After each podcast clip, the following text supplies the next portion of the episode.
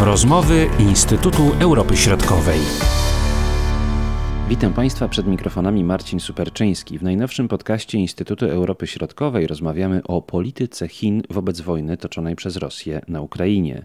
Chiny nie zajęły jednoznacznego stanowiska wobec tego konfliktu i jak na razie obserwują rozwój wydarzeń. Chiny są jednym z najważniejszych partnerów gospodarczych dla Ukrainy, a ostatnio zaapelowały o stworzenie specjalnego korytarza, poprzez który będzie można wywozić z Ukrainy m.in. produkty rolne. Na ile jest to możliwe, odpowiada starszy analityk Zespołu Europy Wschodniej Instytutu Europy Środkowej dr Marta Drabczuk. Chiny tak naprawdę grają na poczekaniu, to znaczy stoją obok i obserwują. Obserwują całą sytuację, która się dzieje nie tylko na Ukrainie w kontekście wojny rosyjsko-ukraińskiej, ale także w kontekście wsparcia które Ukraina otrzymuje od Zachodu. Od Zachodu to znaczy od e, Stanów Zjednoczonych i właściwie sojuszników Stanów Zjednoczonych, które nie tylko są w Europie, ale także e, na przykład w Azji. Czyli generalnie mówimy sobie o tym, że Chiny zapatrują się na Ukrainę tylko i wyłącznie właśnie w kontekście tych przesunięć, które będą się odbywały, czyli tych zmian w układzie globalnym, tak naprawdę układzie sił i właściwie tego, co się będzie działo w, w mm, światowej gospodarce, bo to też jest istotne, szczególnie, że mamy ten okres popandemiczny, a właściwie mamy też cele takiej głębszej penetracji gospodarczej Chin, e, jeżeli mówimy o Europie Środkowej i także Europie Wschodniej. E, w kontekście agresji rosyjskiej, e, właściwie tej jeszcze z 2014 roku, to Chiny traktowały inwazję, czy właściwie te działania agresywne Rosji już wtedy, w 2014 roku, jako taką właściwie rewolucję kolorową, czyli generalnie teoretycznie um, z, dążyły do tego, żeby zachować neutralność, ale gdybyśmy popatrzyli na działania, no to właściwie te działania, które Chiny podejmowały, były działaniami prorosyjskimi. I tutaj e, generalnie jeszcze w 2017 e, po e, dziewiątym zjeździe Komunistycznej Partii Chin, Chiny już wtedy wyraźnie mówili, mówiły o tym, że będą dążyć do tego, żeby ten układ sił zmieniać. Mówiły też wyraźnie o tym, że będą dążyć do detronizacji właściwie Stanów Zjednoczonych jako tego jedynego mocarstwa. I to już to były pierwsze takie sygnały, że gdyby doszło do rywalizacji, czy właściwie do tego otwartego konfliktu, inwazji rosyjsko-ukraińskiej, to Chiny zdecydowanie nie zrezygnują z Rosji, ponieważ Rosja jest dla nich ważniejszym partnerem niż Ukraina. I to widzimy też teraz podczas właśnie trwającej E, tej agresji, prawda, już na, w pełnym wymiarze, pełnoskalowej. Chiny mają swoje interesy na samej Ukrainie i ostatnio byliśmy świadkami apelu minister spraw zagranicznych Chin. Zwrócił się z takim właśnie apelem o to, żeby zboże z Ukrainy przede wszystkim można było bezpiecznie wywozić, stworzyć korytarz, prawda? Czy to będzie powodowało jakby przedłużanie się tego konfliktu, zmianę tego nastawienia Chin wobec właśnie wojny, którą prowadzi Rosja na Ukrainie? E, Chiny zabiegają o korytarz e, ze względu na powiązania gospodarcze z Ukrainą. E, tu warto sobie powiedzieć o tym, że właściwie Chiny są najważniejszym partnerem handlowym dla Ukrainy i mówimy to zarówno w kontekście eksportu, jak i importu. Więc i oczywiście to też warto wspomnieć, że dla Ukrainy Chiny, co y, między innymi mocno w trakcie pandemii było podkreślane, są partnerem e, strategicznym właśnie w tych y, zagadnieniach gospodarczych. Jeżeli mówimy sobie o tym roku no, pandemicznym, tak to nazwijmy, 2020, to ten obrót towarowy pomiędzy Chinami a Ukrainą wzrósł praktycznie o 20 kilka procent i w kolejnym roku, czyli tym de facto wychodzenia z tego stanu pandemii, pandemii znowu wzrósł o 20 parę procent, czyli de facto te więzi, więzi gospodarcze, one się mocno zacieśniają. Oprócz tego mówimy sobie o tym, że te Chiny są y, takim e, najważniejszym też y, rynkiem, na który trafia eksport e, ukraiński, czyli generalnie to jest też zysk dla strony ukraińskiej, prawda, z, tego, z tych eksportowanych towarów.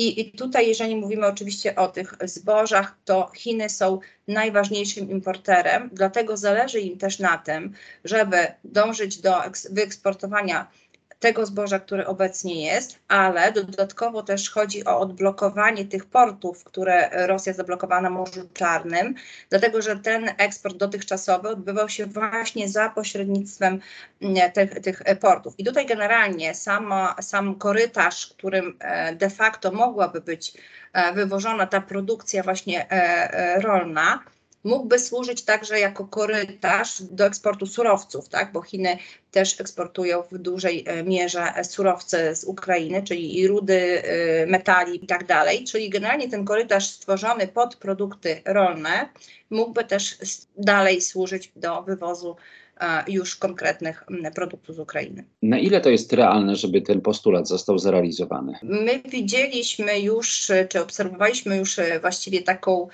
wzmocnioną e, pozycję, czy właściwie to dążenie do tego, żeby sobie zbudować taką wzmocnioną pozycję w przypadku, kiedy mieliśmy do czynienia z tą tak zwaną dyplomacją maseczkową, tak, czy dyplomacją szczepionkową.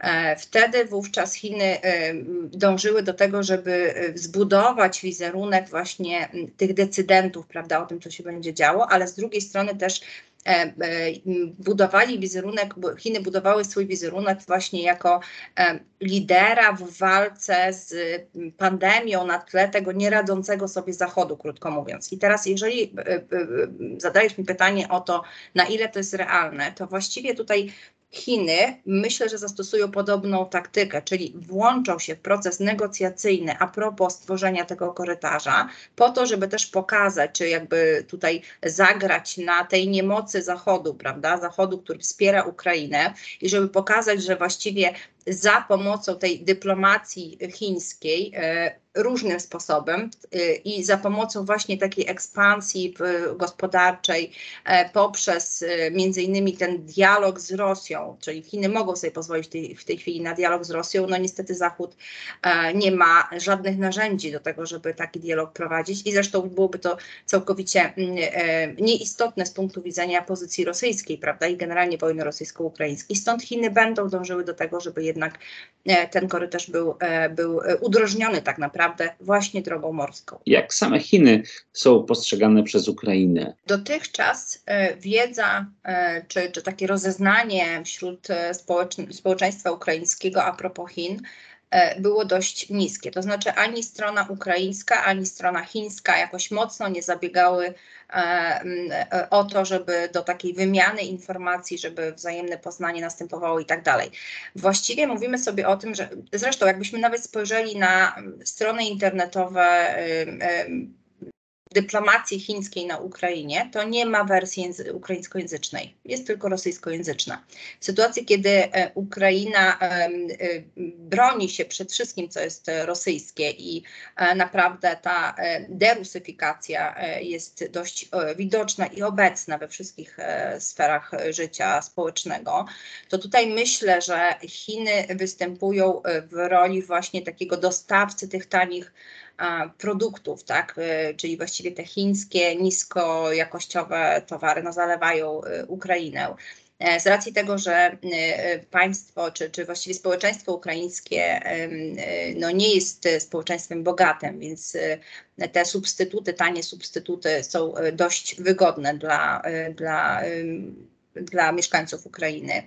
E, z drugiej strony też e, e, są statystyki dotyczące zmiany wizerunku Chin właśnie w czasach pandemii, czyli właściwie wtedy około 35% Ukraińców twierdziło, że to właśnie Chiny, a nie Unia Europejska, a nie Stany, a nie żadne państwo europejskie, a właśnie Chiny są w stanie najbardziej efektywnie pomóc Ukrainie. Mówimy tutaj oczywiście w kontekście szczepionek, no bo pamiętajmy, że Chiny z Ukrainą podpisały wtedy umowę na dostarczenie około miliona szczepień. Więc w sytuacji, kiedy Ukraina czy Ukraińcy zostali mm, bez zapewnionych szczepień, prawda, czyli ten proces wakcynacji zdecydowanie się opóźniał, E, to Chiny były tym państwem, które de facto w oczach Ukraińców było jako to sprawcze państwo, które może w tej sytuacji e, pomóc.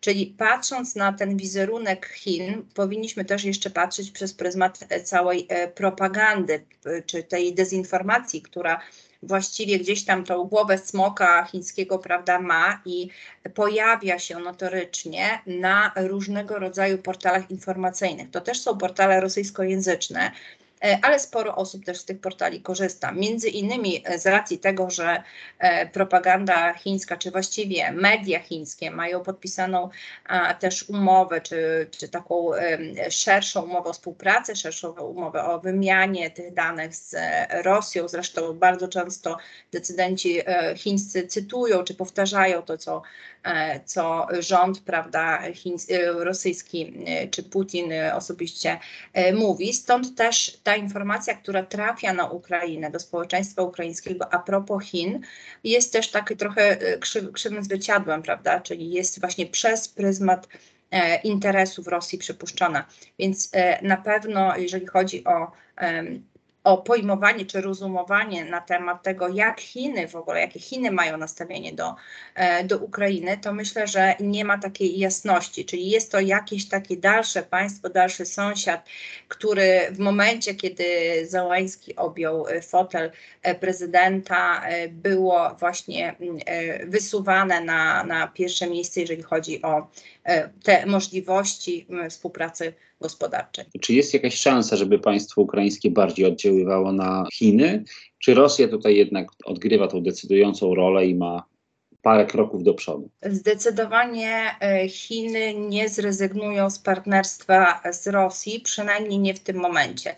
Przede wszystkim mówimy sobie o tym, że e, w, na jesieni, e, w październiku odbędzie się dziesiąty zjazd właśnie Komunistycznej Partii Chin i Chiny nie będą podejmowały do tego czasu żadnych decyzji, no chyba, że będą naprawdę postawione, że tak powiem, pod ścianą, nie będą podejmowały żadnych takich decyzji, które by mogły negatywnie przełożyć się na na, to, na ten sojusz chińsko-rosyjski. Dlatego też Ukraina będzie oczywiście pozostawała w tej optyce chińskiej, natomiast będzie to e, w kontekście całej Europy e, Środkowej, czy, czy jako element właśnie regionu środkowoeuropejskiego. E, z drugiej też strony pamiętajmy, że e, Chiny e, znalazły się też dla siebie w nowej sytuacji strategicznej, czyli ta wojna też nie do końca jest Chinom na rękę, aczkolwiek Chiny będą takim cichym beneficjentem tego, co się wydarzy. I tutaj niezależnie od tego, jaki scenariusz, a, a właściwie widzimy, że urzeczywistnia się ten scenariusz, kiedy rzeczywiście Rosja będzie osłabiona wskutek e, tych działań wojennych, wskutek też, pamiętajmy, osłabionej e, gospodarki pod wpływem sankcji to już jest jak najbardziej na rękę Chinom, e, ponieważ Chiny będą wtedy miały tą przewagę nad Rosją, prawda? Będą mogły sobie renegocjować kontrakty, e, będą mogły, e, że tak powiem, wywierać presję na, na Rosję. A z drugiej strony, jeżeli popatrzymy sobie na na szersze otoczenie, to dla Chin liczy się tak naprawdę konfrontacja ze Stanami Zjednoczonymi. Więc e, tutaj nie mogłyby sobie pozwolić na to, żeby tą e, Rosję odpuścić, że tak powiem, z pola, z pola widzenia, e, ponieważ Ukraina jest w tym całym tej grze tak naprawdę o, o nowy porządek międzynarodowy niestety tylko traktowana właśnie tylko z poziomu przedmiotowego. Zastanawia mnie jeszcze taka analogia pomiędzy Chinami a Tajwanem, a Rosją a Donbasem. Czy tutaj właśnie możemy szukać jakichś analogii, czy to, czy to jest raczej trudne do połączenia? W wielu mediach właściwie e, światowych, mediach zagranicznych, e, Tajwan często jest określany jako taki chiński e, Donbas. Myślę też, że w momencie, kiedy ta inwazja rozlała się, to znaczy kiedy tak naprawdę było oczywistym, że nie zakończy się zdobycie Kijowa, zdobyciem Kijowa w trzy dni, prawda, i że będzie trwała na pewno dłużej, to myślę, że Chiny też swoją taktykę, może nie cel, ale taktykę względem, względem Tajwanu nieco musiały zmodyfikować. To znaczy, jeżeli rzeczywiście Rosja, Rosji udałoby się w te trzy dni, powiedzmy, no, zdobyć czy dojść do Kijowa, to wówczas Chiny myślę, że trochę oczekiwały tego, że NATO włączy się w ten konflikt. Z racji tego, że e, na szczęście do takiej sytuacji nie doszło i e, NATO y, skupia też swoją uwagę na, na regionie Pacyfiku tak naprawdę, e, to Chiny nieco też jakby zrewidowały swoją politykę względem, względem Tajwanu. Oczywiście stanowisko Chin jest niezmienne i tutaj Tajwan jest traktowany właśnie jako ta część terytorium, prawda, które pomimo tego, że określamy e, chińskim Donbasem, to jakby nie do końca jest trafne, ponieważ no, Donbas jest ukraiński. I, I, e, właściwie ta nielegalna aneksja wcale nie powoduje, że Donbas nagle stał się rosyjskim. I te quasi e, państwa, prawda, które gdzieś tam są ogłoszone, E, nie są uznawane przez społeczność międzynarodową jako państwa. Z drugiej strony Tajwan e, otwarcie opowiada się za stroną ukraińską, co de facto też drażni same Chiny. E, I, I tutaj z tego powodu właśnie taka analogia gdzieś tam jest przytaczana. Natomiast też pamiętajmy, że zarówno Tajwan dla Chin, jak i Donbas dla Ukrainy mają znaczenie strategiczne. Znaczenie strategiczne z punktu widzenia potencjału gospodarczego, z punktu widzenia no, w Chinach, prawda, wyjście właśnie do, do y, Oceanu Światowego, na Ukrainie z kolei, prawda, Donbas jako to zagłębie właściwie Donbasu, prawda, jako to miejsce, gdzie, e, gdzie najwięcej przemysłu, prawda, e, było ulokowane. Czyli tutaj, jeżeli chodzi o strategiczność, to rzeczywiście możemy ten Tajwan z Donbasem porównywać. Jakie będą te relacje ukraińsko-chińskie na przestrzeni powiedzmy tych najbliższych miesięcy? Jak możemy to scharakteryzować? To trudne pytanie, ponieważ nie wiemy, czym się będzie kończyć miejmy nadzieję, e, ta, ta agresja, ta wojna rosyjsko-ukraińska. Z jednej strony to jest takie trochę wróżenie na fusach, prawda, że wojna już się kończy, bo tu musimy sobie zadać pytanie, a co jest końcem tej wojny. Na pewno możemy oczekiwać, że w sytuacji tego zagrożenia geopolitycznego intensywność kontaktów między Chinami a Ukrainą spadnie. E, oczywiście e, mówimy sobie tutaj o, e, o tych kontaktach handlowych, prawda? Z drugiej strony, Chiny deklarowały też to otwarcie, chociażby tworząc, powiedzmy, te, czy inicjując ten format 16 plus 1, a później oczywiście tą inicjatywę, inicjatywę One, one Road, One, One Belt, One Road, prawda? Czyli jakby deklarowały, że są zainteresowane E, byciem w Europie e, Środkowej, w Europie e, Wschodniej, czyli właściwie budowaniem tego ekonomicznego pasa jedwabnego szlaku, a z drugiej strony tego morskiego szlaku XXI wieku. I tutaj Ukraina będzie dla Chin ważnym, ważnym rynkiem, rynkiem zbytu, prawda? Pamiętajmy też, że zaczęły się rozmowy na temat diagnozowania potrzeb, które Ukraina będzie miała w kontekście odbudowy państwa właśnie po zakończeniu e, tej inwazji e, i, i otwartej wojny rosyjskiej przeciwko Ukrainie i Chiny tutaj będą odgrywały bardzo istotną rolę. E, ponieważ inwestycje chińskie, pomimo tego, że, nie, że to są inwestycje znikome tak naprawdę, e, mają, inwestorzy mają już doświadczenie inwestowania na Ukrainie e, i zarówno Chiny, oczywiście, jak i Stany Zjednoczone, jak i Niemcy, prawda, będą się ustawiały w tej kolejce do państw, które będą w stanie odbudować Ukrainę, zniszczenia właściwie te, które e, powoduje e, wojna rosyjsko-ukraińska. Więc na pewno przez krótki okres czasu intensywność kontaktów będzie nieco mniejsza, ale później Chiny będą miały co zaoferować właśnie w kontekście tych planów odbudowy. Mówiła Marta Drabczuk. Były to rozmowy Instytutu Europy Środkowej.